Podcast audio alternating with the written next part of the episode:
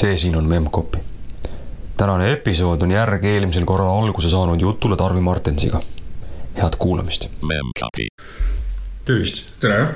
ma teen väikse sissejuhatuse ka. oleme jälle kogunenud Nõmme mändide alla. sest eelmine kord jäi jutt pooleli. kuhu meil jutt pooleli jäi?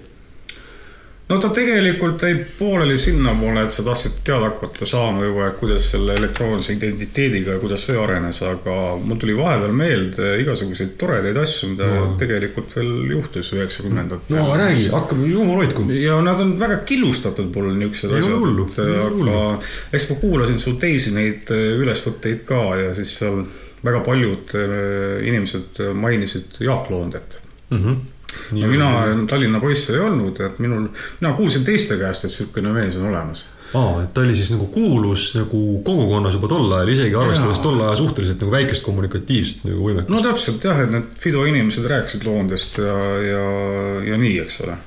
minul temaga eriti kokkupuudet ei olnud, aga siis juhtus niisugune lugu, et äh, mingid varajastel üheksakümnendatel, kus Eestis ei olnud veel isegi leiba ei olnud oli talongi peal. Äh, juhtus sihuke lugu, et, et Soome Rodari klubi otsustas Eesti koolidele kinkida arvuteid natukene.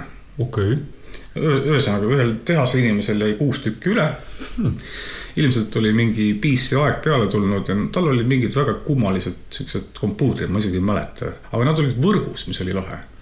Nad olid võrgus ja tal oli ema arvuti oli ka, eks ole, ja, ja, ja ja nad tegid siis selle ettepaneku haridusministeeriumile, et me kingime Eesti riigile nagu kuidagi koolidele kuidagi arvuteid.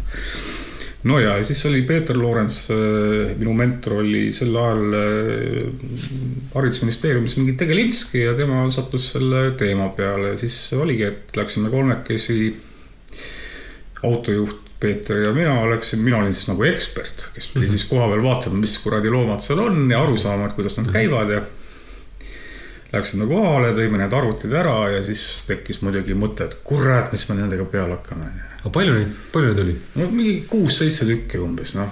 no niisugune klassitöös. Eesti, Eesti peal ei olnud väga. no aga Rotary klubis sai endale kurat Linuxi kirja, Eestit aidatud, kõike okay. värki, no okay. kõik on tore, noh, läks, läks. noh, noh, heategevus tehtud on ju. võilas värk äh, ja siis mulle meenus Jaak Loonde, ütlesin, et äh, kuule, et, et ma räägin Jaak Loondega ja et äh, äkki, äkki tal on, tal on vaja kuskile klassi panna, et saavad lapsed mängida mm. -hmm.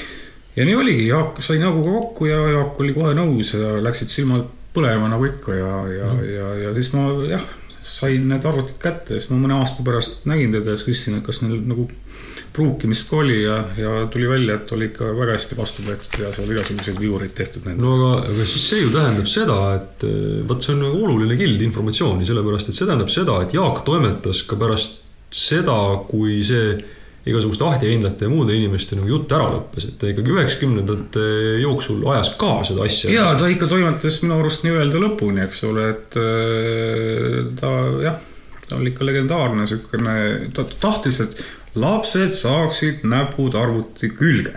see oli tema põhiline nagu siis mõte. ja mitte ainult ei tahtnud, vaid ka tegi aktiivselt no, sõna ja teoga mm. -hmm. täpselt nii on. vot äge mees. vot siukene jutu, jutu, jutulõng. oluline. ja siis äh, rääkides siuksest suhtlemisest ja noh, kus Fidos võib-olla hakkas esialgu pihta, et noh, said nagu meili saata ja värk ja siis tuli internetiaeg tuli peale ja ma pean tunnistama seda, et äh, Tarvi tegi üheksakümne kolmandal aastal esimese jututoa. ja, ja jututuba oli siis niisugune asi, nagu meil parasjagu on mingisugune messenger või värk, aga noh, siis nagu, et hulk inimesi logivad sisse, tekstiterminal. Need olid ju igavesed kuulsad. no muidugi, et see oli Anna jututuba, mis. aga kas see käis mingisuguse sinu oma soft'i peal või sa said kuskilt? ma sain kuskilt selle soft'i, ma tõlkisin selle käsud eesti keelde. isegi nii? ja, ja, et siis oli, seal oli no, punktiga hakkas käsk on ju, siis äh, sai teha mingisugust värki mm. -hmm. ja jah, ma olin sel hetkel äh, Göteborgis äh, asumisel neljaks kuuks ja mul ei olnud seal suht, suht, suht, suht mittegi teha ja siis ma putitasin seda jututuba ja hoidsin seda üleval, et see oli päris lahe. et selles jututoas, Anna jututoas mm, isegi kaitsti üks, üks, üks äh, diplomitöö ära isegi nii? jaa, inimene oli, inimene oli Austraalias või oli, Uus-Meremaal oli. ja, ja õppejõud olid siis, kogunesid jututuppa ja, ja siis toimus, toimus vestlus ja no Tallinna Tehnikaülikool või noh, tipp sel ajal siis aga mis nende jutukate nagu fenomen oli, sellepärast et nagu kui ma kuulan nagu tekstiterminal ja niisugune noh, mingid käsud punktiga, eks, siis see on nagu tehnikute värk. aga kui ma nagu mäletan, siis seal nagu jutukates käis nagu ikka igasugust rahvast oo oh jaa, see oli tegelikult ikka community building, et ta ei mm., ta ei oli ikka, kes, kes oli seal sees, oli noh, umbes samasugune grupp nagu ütleme, Fido grupp, eks ole, või mis iganes, siis tekkis niisugune jutukate grupp, et seal mm.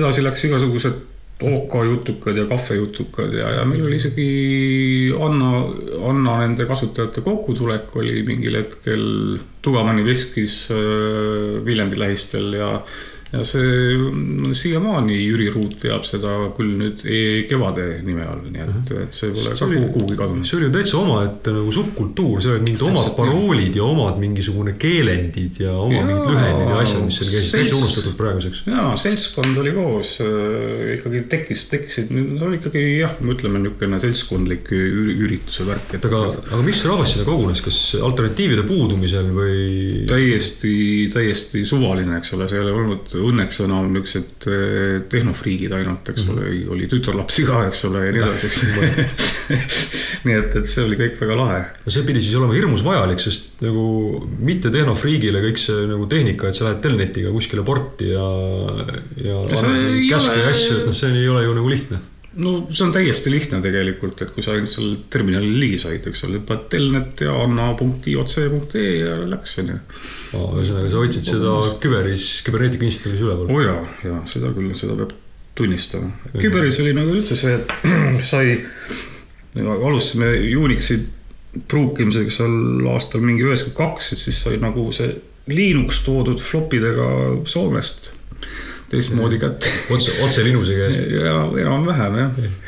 enam, see oli väga lahe, igal juhul jah, seal me seda Unixi kultuuri proovisime aretada ja sai, siis sai hirmsa raha eest üks Sun ostetud ja, ja, ja siis oli küsiti, mis nimeks panna, ma ütlesin keeks suvaliselt ja siis pärast pidin välja, noh siis oligi keeks.iotc.ee oli igavene kuulus FTP server. isegi mina mäletan seda purki. no vot, vot, vot, vot, vot, aga siis ma pärast pidin äh, selle keeksi lahti mõtestama ja siis ma arvasin, et see on Küberi Eesti äh,, Küberi esimene eestimeelsete kasutajate server, et see keek keeks on ju. tuleme korra nüüd jutukate juurde tagasi, et mm. selleks, et nagu mingi asi läheks nagu viraliks või nagu, nagu käima, siis on tarvis nagu lisaks sellele, et seal on mingisugune nii-öelda nakkuvus, et inimesed, kes sinna satuvad, jäävad sinna käima. sul on tarvis mingisugust nii-öelda patient zero või noh, see esimene seltskond, kes seal nagu käima hakkab. kes need inimesed olid ja kuidas sa selle tekitasid, et see, et sa panid lihtsalt pordi peale mingi asja kuulama, et see ei tähenda seda, et sinna keegi külge tuli? seda ma nüüd täpselt ei mäleta, küllap ma rääkisin sõpradele, sõbrad rääkisid sõpradele ja kuidagi niimoodi ta, kuidagi niimoodi ta vaikselt levis, et äh, ma küll mingit erilist aktsiooni ei mäleta, et selle, selle jaoks nagu.... lihtsalt sõpradega läks, läks käima? Läks käima jah, see, aga seal neid, need sõprade, sõprade, sõprade ring läks ikka väga-väga laiaks ja, ja, ja noh, selles mõttes, et ikkagi üle poole olid täiesti tundmatud inimesed seal või rohkem isegi noh.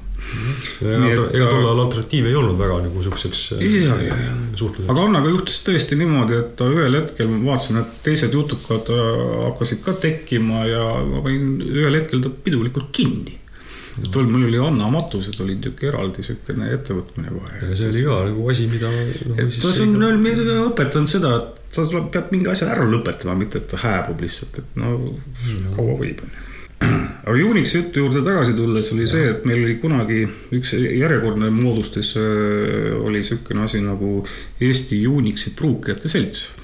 EUPS oli nii kõik, kõik tahtsid panna kasu, kasutajate selts, sest e-uks on ju, see kõlab nagu halvasti, siis mina, mina olin nagu siis kogu aeg see, kes, kes ütles, et pruukima peab ikka ja.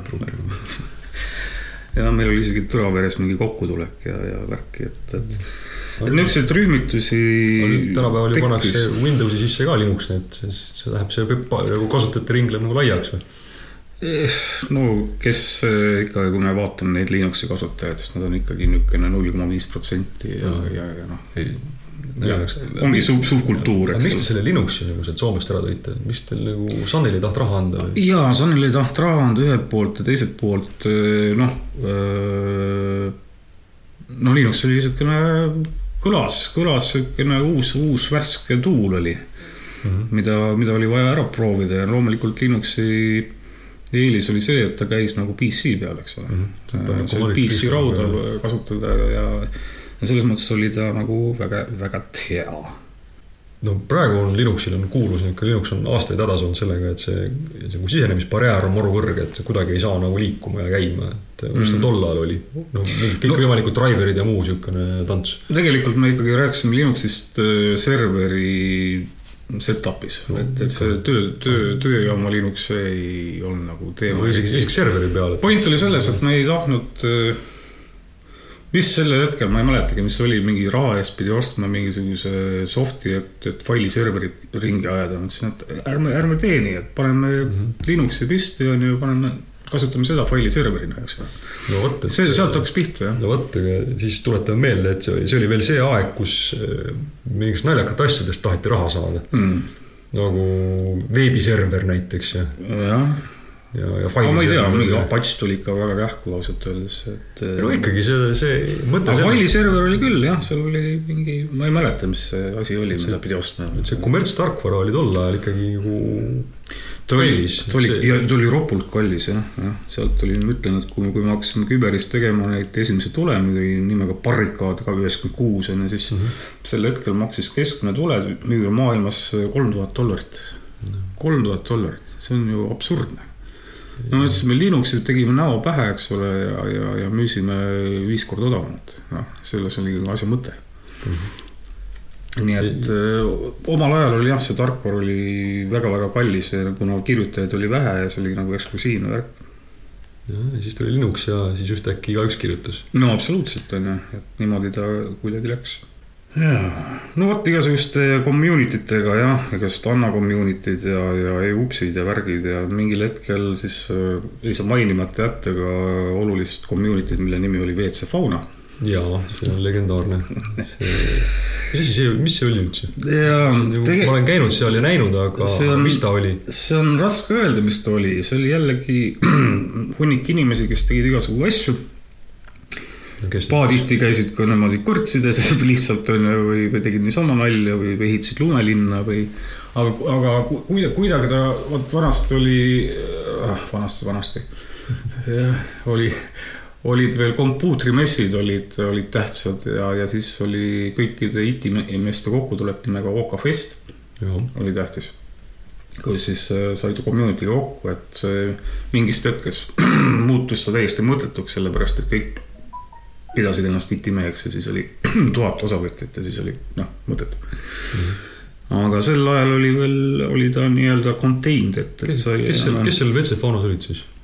no veits fauna ei kuuluta, see on ikka mõtteviis ja eluviis, aga see on niimoodi, niimoodi ei saa öelda. et kes seal olid jah? ja, ja, ei saa öelda, ma arvan, terve, meil oli ühel kompuutrimessil oli WC fauna leviala kaart. kus oli võetud Eesti kaart ja vorstinahkadega pandud läbipaistvate punaste vorstinahkadega tehtud levi, leviala kaart. see on nagu, kunstrühmitus lausa. ei, ei noh, seal meil pakuti kompuutrimassil, messil oma messiboksi ja siis me pidime selle kuidagi sisustama ja siis seal oli eh, üks kompuuter, mis luges eh, sekundeid tuleviku alguseni ja, ja siis oli WC Fauna leviala kaart ja siis oli kõik politseilindiga ümber tõmmatud no see on ju puhas kunst, tänapäeval sihuke asi läks kunstiprojektini kirja. ja ilmselt on jah ka sihuke happening'i värk ja üks happening'i asja sai tal tehtud, aga WC Fauna nimi sai muidugi selle, sellest alguse, et, et sealsama Soka festil ühel aastal oli vaja jalgpallimeeskond kokku panna mm -hmm. ja siis äh, okei okay,, mingi kamp tuli kokku, ütles, davai, et mis me nimeks paneme, siis et noh, et FC Flora juba on, eks ole, et aga noh, mis veits fauna, eks. no loogiline. kõlab täiesti, täiesti loogiliselt. aga see oli ka viimane kord, kui me vist jalgpalli mängisime. no see ei, noh, ongi, sellepärast ongi WC, mitte FC. kui ma sind nüüd jälle niimoodi kuulan, siis, siis sul on hästi palju niisugust ühistegevust kumab siit läbi. aga nagu arvutiinimene nagu tüüpiliselt inimene ei tegele arvutitega sellepärast, et talle õudselt meeldib inimestega tegeleda, sellepärast ta tegelebki arvutitega. Et kuidas sul see nagu kokku käib? Omavahel, et ühest küljest nagu nagu inimesed, teisest küljest nagu arvutid. nojah, eks ma olengi sihuke imelik loom, et minu- minust pole kunagi aru saanud, mul on üks tuttav psühholoog, kes ütles, et, et on olemas insenerid ja on olemas kunstiteadlased, et, et, et kumb sina oled, aru ei saa.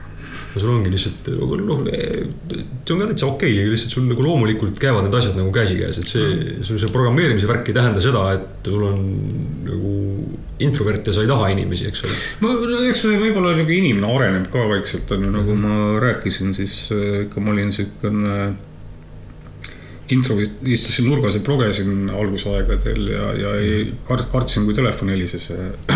aga siis kuidagi, kuidagi need asjad muutusivad ja hakkasid inimesed suhtlema ja, ja siis noh, pärast juba mingisugust nii-öelda ühiskonda nägema ja, ja, ja sealt tulid need mm -hmm. ka niisugused riigilaiused ja vaata ka, et maailmalaiused asjad, et tegelikult üks lugu, millest, mida kindlasti maksab rääkida, võib-olla seda on räägitud ka. et, et, et kust, kust otsast nagu Skype alguse tegelikult sai, kus see, kus see kamp kogunes, et see oli üks, üks naljakas lugu no räägi.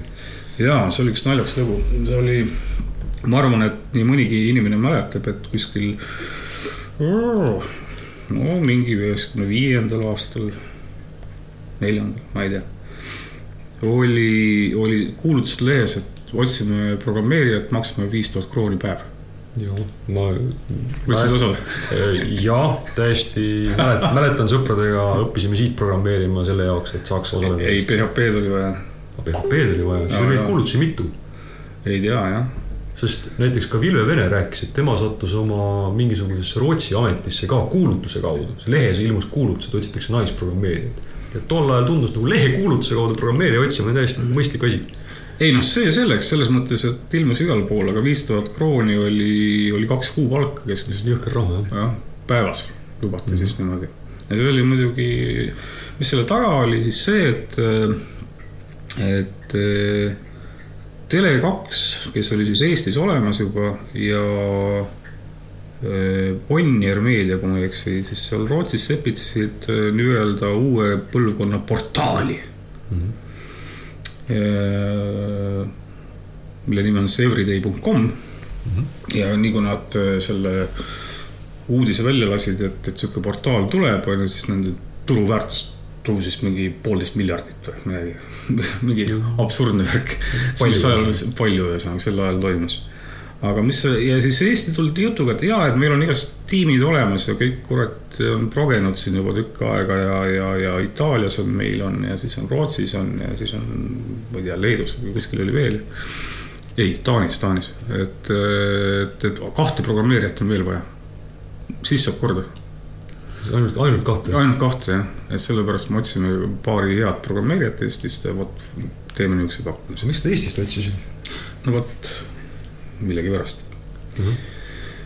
ja, ja mina sattusin seda sinna kuidagi noh, nagu nõustama ja siis lõpuks nagu projektijuhiks on ju.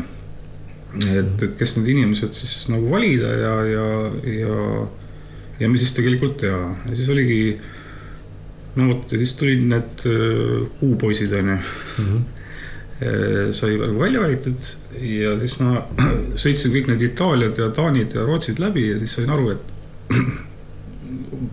peale Rootsi, kus oli teinud väikse niisuguse äh, andmebaasi mootori, eks ole, portaali jaoks, kõik ülejäänud oli täielik crap, mis oli selle projekti jaoks tehtud. ja et seda projekti päästa ei jäänud muud üle, kui, kui kogu värk ise teha okay., no ja nendel kolmel poisil ei olnud mingit probleemi seda nagu pihku võtta ja siis nagu nädalaga paariga nagu portaal kokku veeretada, kuigi nad seda PHP-d ei tundnud. no programmeerida oskad, siis. no vahet ei ole, eks ole. kuidas see vaskaleeruvuse värk tol ajal käis, et see isegi tol ajal see Everyday isegi ikkagi sai nagu koormust võrreldes tavalise veebisaidiga, kas see ka mingisugune probleem oli? see lihtsalt punuti PHP-s kokku ja vaadati, mis juhtub? Ei no ma räägin, et see andmebaasi pool või see oli, oli, oli Rootsi tarkade inseneride poolt tehtud, et see oli täiesti kasutatav, nii et see okay. ilmselt skaleerus, ma ei mäleta, et sellega oleks mingit teemat olnud. okay., no vot, aga siis oli eh,. ehm, tulevane miljardär oli siis, oli seal Tele2-s projektijuht ja siis talle hakkasid need poisid meeldima, eks ole. noh, ja siis järgmine asi, mida, mida oli näha, oli Kasaania ja millega tehti ka usinasti äri. mingil hetkel ma liitusin seal uuesti äh,. proovisime, kui ka Kasaast oli kogu neljandik internetiliiklusest globaalselt oli Kasa, neljandik. neljandik. siis me mõtlesime, et me teeme, me teeme äh, Kasa Cashi ja et äh, siis ma mõtlesin isegi ja me tegimegi, aga noh, see noh, üle nagu mõtlesin slogan'i välja, et meie risustasime teie internetti, nüüd me puhastame selle. puhastame selle ära. et see oli natukene, proovisin ühest imelikku asja teha, aga siis sealt hakkas Skype'i asi tulema ja lihtsalt jällegi protokolli panekuks, Kasa oli muusika jagamine, eks ole. ei, mitte ainult, suvaline faili jagamine. see kõik jagamine, ühesõnaga proto BitTorrent. ta oli, jaa, aga noh, ta oli, ta oli nagu siukene hi- hierarhiline mudel, eks ole, selles vastupidi, tähendab äh, jaga, jagatud äh, süsteemiga, et ta ise organiseeruv võrk oli, et sul tekkisid mingisugused node'id ja supernode'id on ju, kes siis koordineerisid neid node'e. Ja siis äh, dünaamiliselt ise moodustus, vaadates seda, et kuidas parasjagu kellelgi noh, nii-öelda võrguressurssi käes on ja muud ressursse, nii et, et sa laadsid ühe programmi alla ja panid käima ja mõtlesid, et hakkad siin vaikselt toimetama, aga ühel hetkel olid võib-olla supernõud on ju, noh ja siis, aga siis, kui sa lülitasid masina välja, siis hakkas keegi teine. nii, nii kui Skype käis, eks. aga tuleme selle Everyday juurde korra tagasi, et sina olid selle projekti juht, eks. jah, ja siis tegid selle valmis ja siis ei tekkinud niisugust mõtet, et peaks kuskil suures Rootsi korporatsioonis tegema nagu kosmilist karjääri, liikudes ametiredelil üles. ei absoluutselt mitte, absoluutselt mitte, et, et see oli ikkagi minu jaoks niisugune aitamisprojekt ja, ja raha maksti ka ja nagu las ta olla, ega see mind nagu ei, sel hetkel ei, ei, ei paelunud, mul olid ikka, see oli ikka kõrvaltegevus mul ja, ja nagu mis mul tol ajal põhitegevus oli siis? arvan, et, et sel hetkel ma ikka ehitasin seda riigivõrku ja, mm. -hmm. juhatasin seda, neid vägesid, et, et. et äh, sinna, sinna, sinna kampa käib üks sihuke kõrvaltegevus, mis sai tehtud, oli, oli mail.ee ka muidugi. jaa, seda eelmine kord sai põgusalt puudutada. ja vist me puudutasime ka põgusalt jah, et, et see läks sinna samasse kampa, et lõpuks see Tele2 sai, sai selle omanikuks. see mail.ee jooksis, kuidas sa seda tegid? see oli mingisugune standardne SMTP server all, mille peal oli veebi otsus. täpselt nii jah, ta algas ka pihta sellest, et, et oli nii-öelda redirect, õigemini vastupidi, ei olnud redirect nagu eesti.ee on mm, -hmm. vaid oli ikkagi mailbox, aga ilma näota mailbox.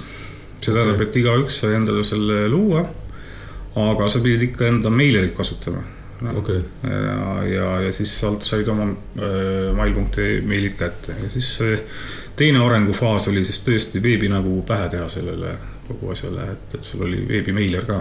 Ja see sai täitsa ise kirjutatud, see veebimeileri Kas osa, aga, aga all oli loomulikult standardne kompott. aga see, olles ka ühe korra siukest veebimeili nagu üritanud punuda mm., see on ju lõputu nagu ussipurk, et kõikvõimalikud variatsioonid sellest eh, nimedest ja meiliformaatidest ja küll pani Outlook pani niipidi kokku ja Thunderbird pani naapidi neid kirju kokku ja kuidas sa seda kõike parsid ja näitad no kasutad. ühesõnaga viiendal-kuuendal aastal ei olnud see maailm nii kirju võib-olla veel okei, jah. ja, ja Maailm oli teistsugune. maailm oli natukene teistsugune ja, ja seetõttu olid asjad lihtsad, et olid mingid standard library'd, mis pidid toimetama ja kui ei toimetanud, siis oli ja kogu siis ei, käranud, siis ei käranud nii et, et siin ei ole nagu mingit teemat, et sa ei läinud nagu ise seda, seda maailma nagu leiutama.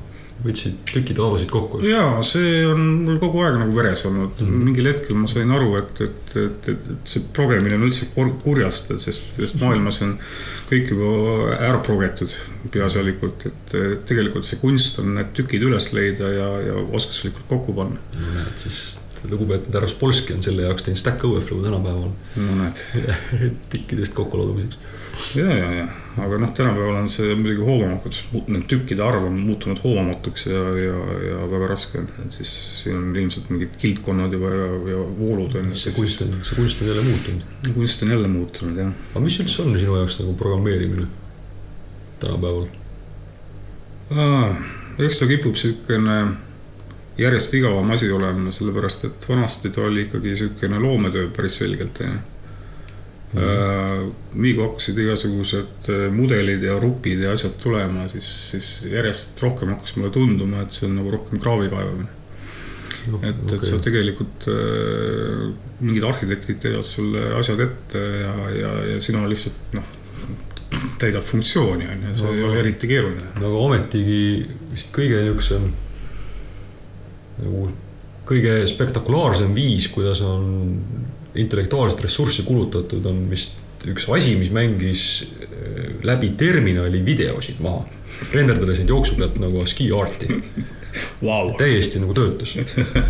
akent sai suuremaks, väiksemaks teha ja, ja nagu töötas nagu kulda. et seal küll mingit arhitekti ja ruppi nagu mängus ei olnud, et saab ju. ei, loomulikult nalja pärast saab ikka teha, ma räägin ikkagi niisugusest rahast või noh, tööstuslikust progemisest või okay., või et, et sa pead mingit konkreetset asja tegema, aga vanasti olid see nagu mees nagu orkester on ju, sa mõtlesid ise välja, kuidas see kuidas see arhitektuur võiks nii-öelda välja näha ja, ja tegi nagu oma äranägemiste järgi ja, ja keegi sul ei kobisenud, arhitektid. ja nüüd on neetud äh, arhitektid jah ja., seal ma ei tea, ühesõnaga, kas loovust on äh, vähemalt progemise mõttes päris programmeerijatel jäänud, jäänud kindlasti vähemaks, kui, kui, kui see vanasti oli. okei okay., see läheb kokku sellega, mida Vilja Vene rääkis, et tema ütles ka, et, et noh, see programmeerimis on nagu hügieenifaktor, et sul need huvitavad asjad tulevad mujalt nii ta on jah. aga kui ma juba jälle selle juba juurde jõudsime, siis ma küsin selle ka, mida ma Vilve käest küsisin, et milline on ilus kood sinu arvates nojah, sa küsid minu käest asju, millega ma tegelesin tõesti üle kahekümne aasta tagasi. ei, aga seda enam on olnud põhjust ja aega reflekteerida sel teemal ja siis see, mis on nagu jäänud pinnale, see on oluline, eks. nojah äh,, ilus kood on loetav kood, loomulikult. siin ei ole mm., siin on kahtepidi mõtlemist, see tähendab seda, et seda tähendab, ma rohkem ei oska siin midagi öelda, eks ole, ta on loetud, loetud jah. ammendav vastus. jah, äh, enda story tegelikult ongi, et mõned keeled on paremini loetavad kui teised keeled ja nii edasi, nii nagu ka päris keeltega on. okei. Türgi, türgi keel on väga halvasti loetud näiteks. üldse ei saa aru. Hindi on, hindi on veel hullem ja, nojah, ega tegelikult ei, ei olegi siin mul eriti olulist midagi. ei, aga no siis, siis me jäänud ja jõuame, jõuame ringiga tagasi selle, selle ID-kaardi juurde. jõuame ID-kaardi juurde, jah. kuidas, kuidas nagu see tekkis, kuidas see sündis üldse? ja no ma rääkisin, me Küberis tegelesime siis, mina tegelesin nagu kahel rindel, et ühelt poolt ehitasin võrke, aga kogu aeg ma olin selle mm, nagu infoturbe ja krüptograafia mm -hmm. keskel tegelikult mm. -hmm. ja lisaks võrguturbele, mis oli ka väga oluline sel hetkel äh,, oli avaliku võtme krüptograafia niisugune huvitav, selgelt huvitav ala, eks ole mm. -hmm. ta lihtsalt pakkus pinget äh, äh, oma rakenduste poole pealt ja, ja Küberis sai nagu jälgitud äh, soojalt, kuidas, kuidas ma ei tea, üheksakümmend viis võib-olla Rootsi Post alustas öö, äh, oma niisuguse ID-kaardi väljalaskmisega ja tekitas noh, ID-kaardi profiili, mille avaldas ja see oli, see oli niisugune asi, mida jälgida. Ja, ja tore asi, noh, mul endal oli päris, päris varas, ma ei tea, üheksakümnendatel toodi mulle Ektakosse mingid eh, keep-card, Schlumberger keep-kaardid, öeldi, et eh, vaata, mis elukas on. Ja siis ma kirjutasin Smartcardile programmi nimega Clever Card. see oli siis Java kaart või? ei, ta ei olnud, Java, Javat polnud veel välja mõeldud sel hetkel, see oli puhas siukene nii-öelda mm, noh, no kuidas sulle öelda, noh, mälukaarte ei ole, aga noh, tal protsessor oli ikka sees, tal see käsk on, tee nüüd fail ja tee. kompileerisid lihtsalt. sai nagu faili teha. desktopi peal kokku ja kirjutasid džipi peale või? ei, ei, see käis ikka niimoodi, et sul on kaardi operatsioonisüsteem, mida sa saad kamandada. Okay. jah, aga ta on spetsiifiline vastavalt kaardile, et sel hetkel Java kaarte nagu ei olnud. krüptokaarte ka ju muidugi. said, said konsooli ette ja jaa, ei noh, siis on mingid baite ajasid sisse, baidid tulid vastu, noh, et siis okay. ma kirjutasin mingi PC-le mingi pro-, program, millega seda siis mõnusalt teha sai. ja, ja noh, selles mõttes oli Keepkart oli tunt-, tuntud loom ja, ja noh, aeg läks vaikselt edasi ja ma usun, et see oli mingi üheksakümne kuuendal aastal, kui tegin Äripäeva lahti, sel hetkel ma veel lugesin Äripäeva millegipärast ja seal oli mm, esimesel, esimesel leheküljel oli kaane peal oli siis äh, Kaja Kuivõgi suur pilt, kes oli sel hetkel KMA, Kodakondsus- Migratsiooni Ameti asedirektor. okei okay.. keda ma millegipärast tundsin mm. -hmm. mis ütles, et äh, riik planeerib uut dokumenti.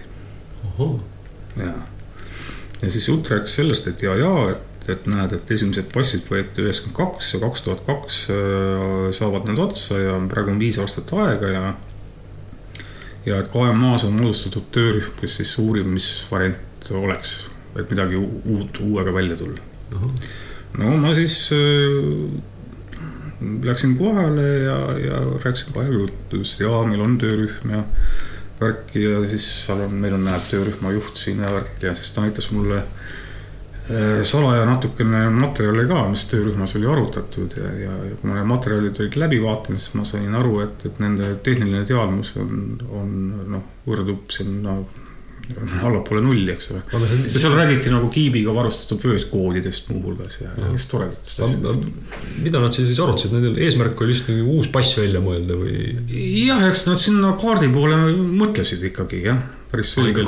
poole, ikka kaardi poole mõtlesid jah, see, see oli õige, aga milline see kaart nüüd on, kas see on kiiviga varustatud vöötkood või mis see on nagu põnev, sellepärast et mina olen kogu aeg elanud teadmises, et mingid tehnikud panid kellelegi kilgi pähe, et on vaja kaardi peale minna, aga sinu jutust tuleb välja, et see oli ikkagi nagu bürokraadi poolt tuli niisugune soov. Vot, sel hetkel oli see väga-väga hägune soov, eks ole, et, et seal loomulikult olid igast variandid olid laua peal, aga, aga oli selge, et, et kuna tekib niisugune suurem passivahetus, siis on võimalik inimesi üllatada millegi uuega ja siis vaadata, mis maailmas okay. tehnoloogia vallas äh, toimub. no vot uh. -huh nojah, ja siis oli päris selge, et, et sellel töörühmal, KMA-sisesel töörühmal nagu jätkata ei ole nagu mõtet, et, et siis oli ettepanek kohe kähku, et davai, et teeme nüüd, teeme nüüd ühe natukese laiema töörühma ja võtame siit nagu eksperte ka nagu laua taha, eks ole, pangad ja, ja telkod ja riigi inimesed ja küberinimesed ja nii edasi no,. arutame seda asja. see tundub tänapäeval kuidagi nagu veider, et riik võtab pangad ja telkod nagu laua taha mingit niisugust dokumenti arutama? ei, absoluutselt. Ma arvan, et siiamaani ei tundu ja sel ajal ei tundunud ta kindlasti, et sihuke laiapõhjaline koostöö riigi erasektori vahel on alati edu toonud meile. nii ühes kui teises asjas. vot, aga ma nüüd rõhutangi siis selle koha peal seda üle, et see on tegelikult nagu vana suhtumine, et, et see läheb nagu väga kaugesse nagu minevikku ja et see on olnudki nagu just nimelt kasulik. see on haruldane asi, seda mujal ei ole väga palju. väga sageli ei ole seda. jah, sul on õigus selles mõttes, aga noh, Eesti on nii väike inimene, sa põhimõtteliselt tead kõiki, kes midagi teavad, onju. ja mm, -hmm. ja siis ei ole nagu mõtet eh, kedagi noh kõrvale jätta, sellepärast et ta on erasektoris või avalikus sektoris, just mm. -hmm. Okay. ja me räägime ikkagi niisugusest ekspertteadmisest ja ekspertide kogumist, mitte mingisugusest institutsionaalsest asjast mm. -hmm just tuli töörühm kokku. just tuli töörühm kokku, töörühm äh, arutas asju regulaarselt, äh, tellis kaks tööd, tähendab KMA maksis, telli, telliti kaks tööd mm. -hmm. üks oli umbes sihuke töö, mida ansambel aktsiaselts Aprote läbi viis, kes äh, uuris siis, et, et, et milleks kõiki võiks seda kaarti kasutada. Mm, mis oli, läksid näiteks tanklaketi juurde, küsisid, et noh mis te tahaks. huvitav töö see oli, see oli. kui selle kuskilt kätte saaks praegu. see on väga huvitav, see on väga huvitav lugemine. ja saab ikka kätte vast ja mm, noh, see oli väga ulmeline muidugi, aga see oli, see oli vajalik tegevus. noh. sellepärast ongi huvitav lugeda. see on vaata et kohustuslik samm on ju, sa pead mm -hmm. nagu uurima turu nagu ootusi, et mm, -hmm. et, et, et mida siis tahetakse. ja teine töö, mida siis me Küberis tegime, oli oli see, et me tegime siukse tehnoloogilise ülevaate, et mida tänapäeva kiipkaardid on suutelised, on ju. Mhm. kaasa arvatud, mida on Rootsis tehtud, mida on Soomes tehtud, on ju. ja nii edasi, on ju, millised need profiilid on, millised on tehnoloogiad, on ju. Microsofti tehnoloogiad, PCS tehnoloogiad, värgid, särgid, noh, niisugune tehnoloogiline dokument mm. -hmm.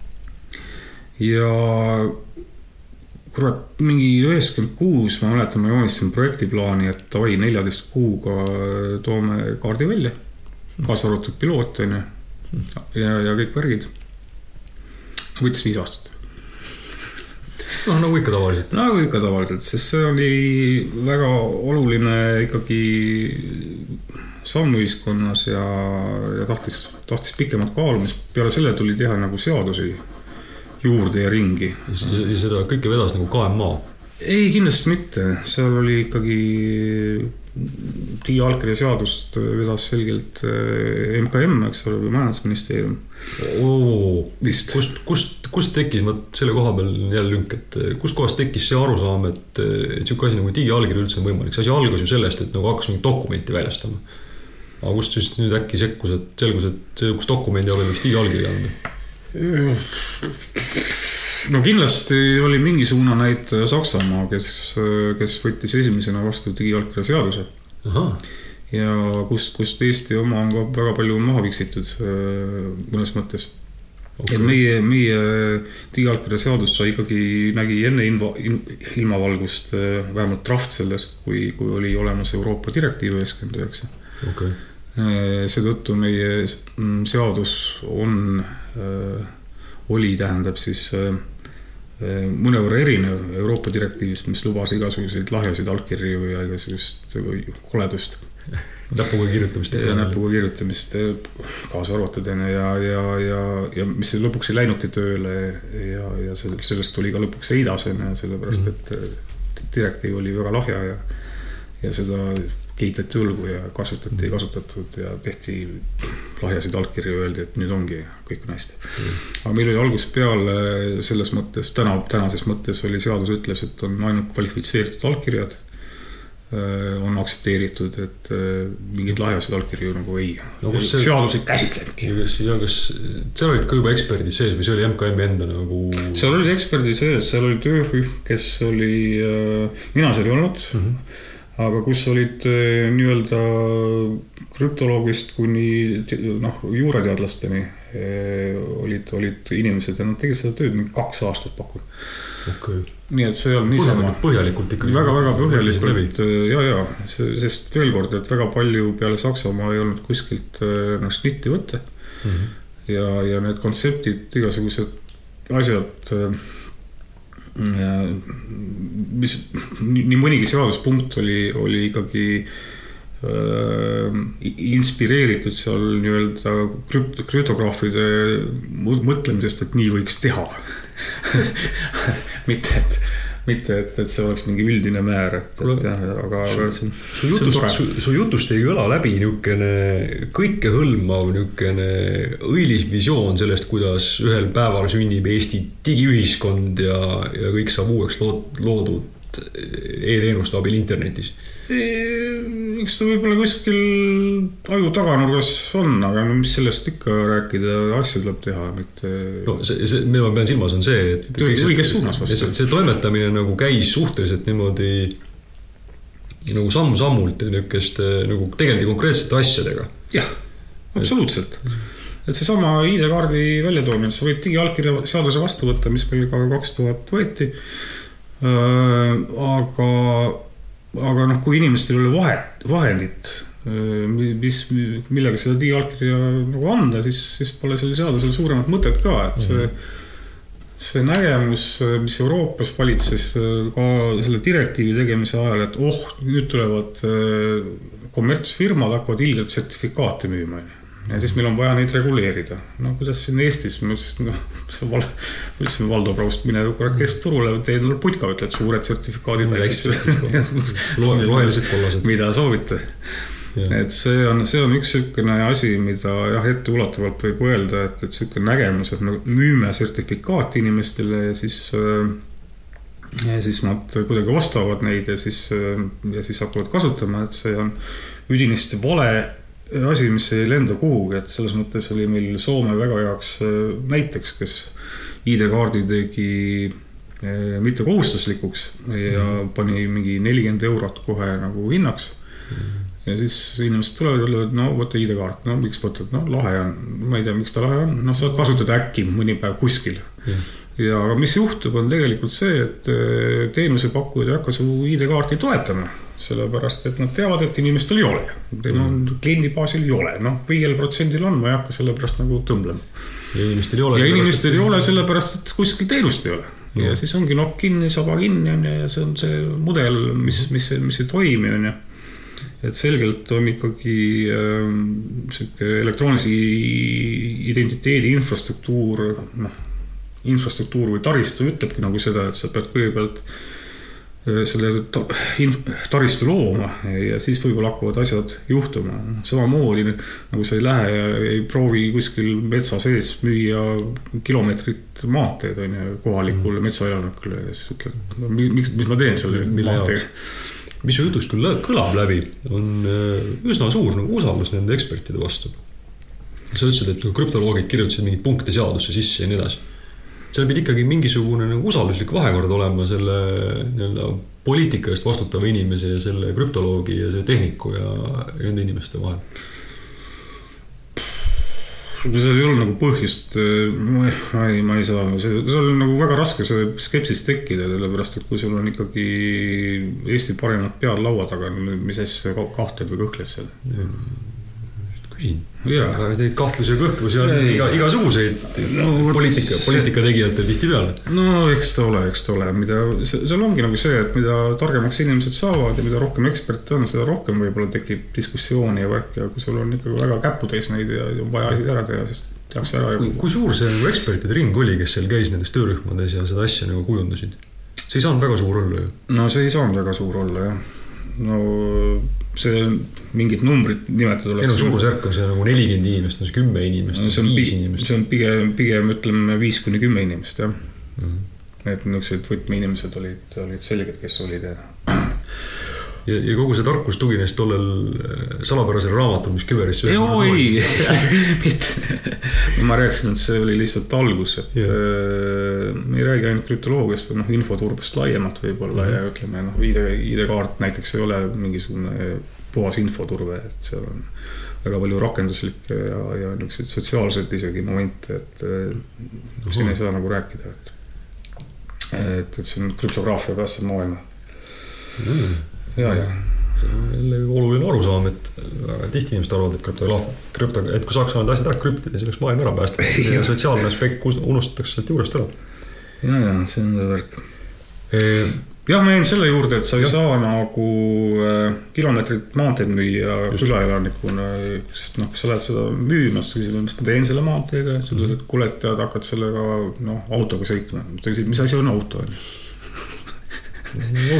Nii et see on sihuke ufo müümine, mis on täiesti mõttetu tegevus, et samamoodi on see, et, et sa ehitad teed valmis, on ju, siis äh, lased autot, lased müüki, eks ole, ja paned äh, juhtimis, mida juh,, juhtimisõpetused püsti, on ju, juhtima õpetamise, sõidukoolid paned püsti. Mm. -hmm. ja siis ühel päeval võib-olla inimesed avastavad, et, et transpordist on midagi kasu, on ju aga kui sa lähed, hakkad sellest pihta, et proovid igaühele juppi kilomeetrit, kilomeetrit nagu maanteed müüa, siis see, see, noh, see ei toimeta. ei, ei saa hästi lõppeda, eks ole. nii ta on. mul on jällegi üllatuslikult hakkab jälle aeg otsa saama tasapisi. kuidas see küll niimoodi juhtub ei, meiega, ei saa aru Ei, ma räägin, ma räägin küll kiiresti. aeg möödub, aeg möödub lennates. vot, ma, ma tahaks küberi kohta küsida. Et see nagu küberneetika instituut ja selle nagu järelmid on olnud Eestis kuidagi nagu hästi siukene. vähe sellest, et ta on nagu olnud, mänginud kriitilist rolli, ta on hästi pikalt mänginud nagu sihukest nagu olulist rolli. ja sina oled olnud seal sees ja oled sellest olnud ja veelgi olulisem, sa oled sellest ka väljas olnud. Oskad sa nagu öelda, et mis selle nagu asja niisugune, miks, miks see on niimoodi läinud, et miks, mis seal nagu, mis seal see maagiline ingredient on, mis teeb seda, et et Küberneetika Instituut ja siis aktsiaselts Küberneetika tema teised sellised äh, nii-öelda järeltulijad. miks nad jätkuvalt on olemas ja jätkuvalt toimetavad? No jah, ma oskan võib-olla rääkida ikkagi sellest osast, noh, üheksakümmend seitse toimus siis suur äh, jagunemine, kus Küberneetika Instituut läks kolmeks mm. -hmm. osa läks ülikooli, osast moodustus aktsiaselts ja andmeside osa läks siis äh, riigile Mhm. Ähm, ja, ja muidugi see võib-olla kõige nähtavam osa IT-inimeste jaoks on see küberi, kas instituudi või aktsiaseltsi või just see noh, infoturbe progemise osa mm. -hmm. noh, seda tehakse meremärke ka, aga noh, sellest palju, palju meil ja merel seda see merel ei paista välja. ja noh, mul on endal au olnud umbes, ma ei tea, no ikka üks, üks kolmkümmend kindlasti inimest sinna tööle võtta omal ajal. mm. -hmm. Tartu, Tartu la- labor asutada ja nii edasi. Mis on nüüd suurem kui, kui Tallinn, isegi nii. isegi niimoodi jah. nii et see oli väga toredad ajad, aga mis selle fenomen ikka on, fenomen on see, et, et äh, põhimõtteliselt äh, peetakse Kiiverit nagu ainukeseks mm, firmaks Eestis, kes oskab turvaliselt progeda, kes teab midagi infoturbest okei okay., ja, ja seetõttu on neile ka sattunud niisugused äh, tegevused ja projektid, noh alates X-teest ja, ja, ja nii lõpetas kurat teab millega. kus, kus äh, see lõpetades Smart ID-ga. näiteks. jah, kus, kus see turvalisuse krüptograafia komponent on omal kohal ja, ja seal on tõesti inimesed, kes tegelevad puhtalt teadusega. ehk siis, kes ei kirjuta koodi, kes, kes ongi, seal on oma teadusosakond nii-öelda ja, ja oma teadusdirektor ja, ja ongi noh, inimesed käivad seal küberi ja, ja ülikoolide vahet niimoodi, kes seal teadusega tegelevad. Ja, ja noh, niisugune sümbioos on, mida otsitakse nagu spunki mööda, mööda Eestit ära Teaduste Akadeemia presidenti väsi rääkimast, et küber on fenomen, et suur, suur erand selles mõttes, kus on. just, aga miks siis, miks, miks ei ole Helmes võtnud tööle endale teadusdirektorit ja asunud ka tegema? no vot, see ongi, et kas sa teed kõigepealt nii-öelda teadust ja siis hakkad seda rakendama ühiskonda või sa proovid seda vastupidi teha, et sa kõigepealt oled ilge proge ja, ja, ja siis mõtled, et paneks ikka teadust ka kuidagi et see päris niimoodi ei käi, et see, need juured on natuke sügavamad. see põhimõte, et sa, sa pead niisuguseid infoturbe ja krüptograafia alusteadmisi ikkagi omama, et, et, et seal isegi toimetada. ma vaatasin just äh, täiesti kogemata Küberit töökuulutust äh, paar päeva tagasi. see oli, et otsitakse projektijuhti uh -huh. ja pro-, projektijuht, juhil peab olema sisasertifikaat. no projektijuhil peab olema sisasertifikaat, halleluuja. no okei okay., no see juba vastab küsimusele sellepärast, et nojah, et kui sul on nagu nutikad inimesed on koos ja teadust tehakse, et siis see hoiab nagu organisatsiooni koos. Mõtteks on jah, ma, ma, ma, ma mäletan see oma, omal ajal oli sihuke, kõik teadsid, Martens tuleb jälle, meelitab küberisse tööle. nagu, nagu, nagu vastik jauraja. mul, mul oligi äriidee oli väga lihtne. äriidee oli see, et ajad kõige targemad inimesed ühte suurde ruumi ja annad neile mingisuguse teema kätte ja siis nad lähevad plaks tööle ja ise panevad jalad seina peale. töötas, väga hästi töötas. see on, see on nagu võitev valem nagu mitte ühes kohas. Absoluutselt. see on väga, väga niisugune tuttav, tuttav. see oli minu filosoofia, ma mingi pärast, pärast lugesin seda kuskilt raamatust, et niimoodi tuleb käit-, käituda ja siis ma vaatasin, ma olen täpselt niimoodi käitunud. täpselt niimoodi, täpselt niimoodi on tunda edu. aitäh sulle. ole hea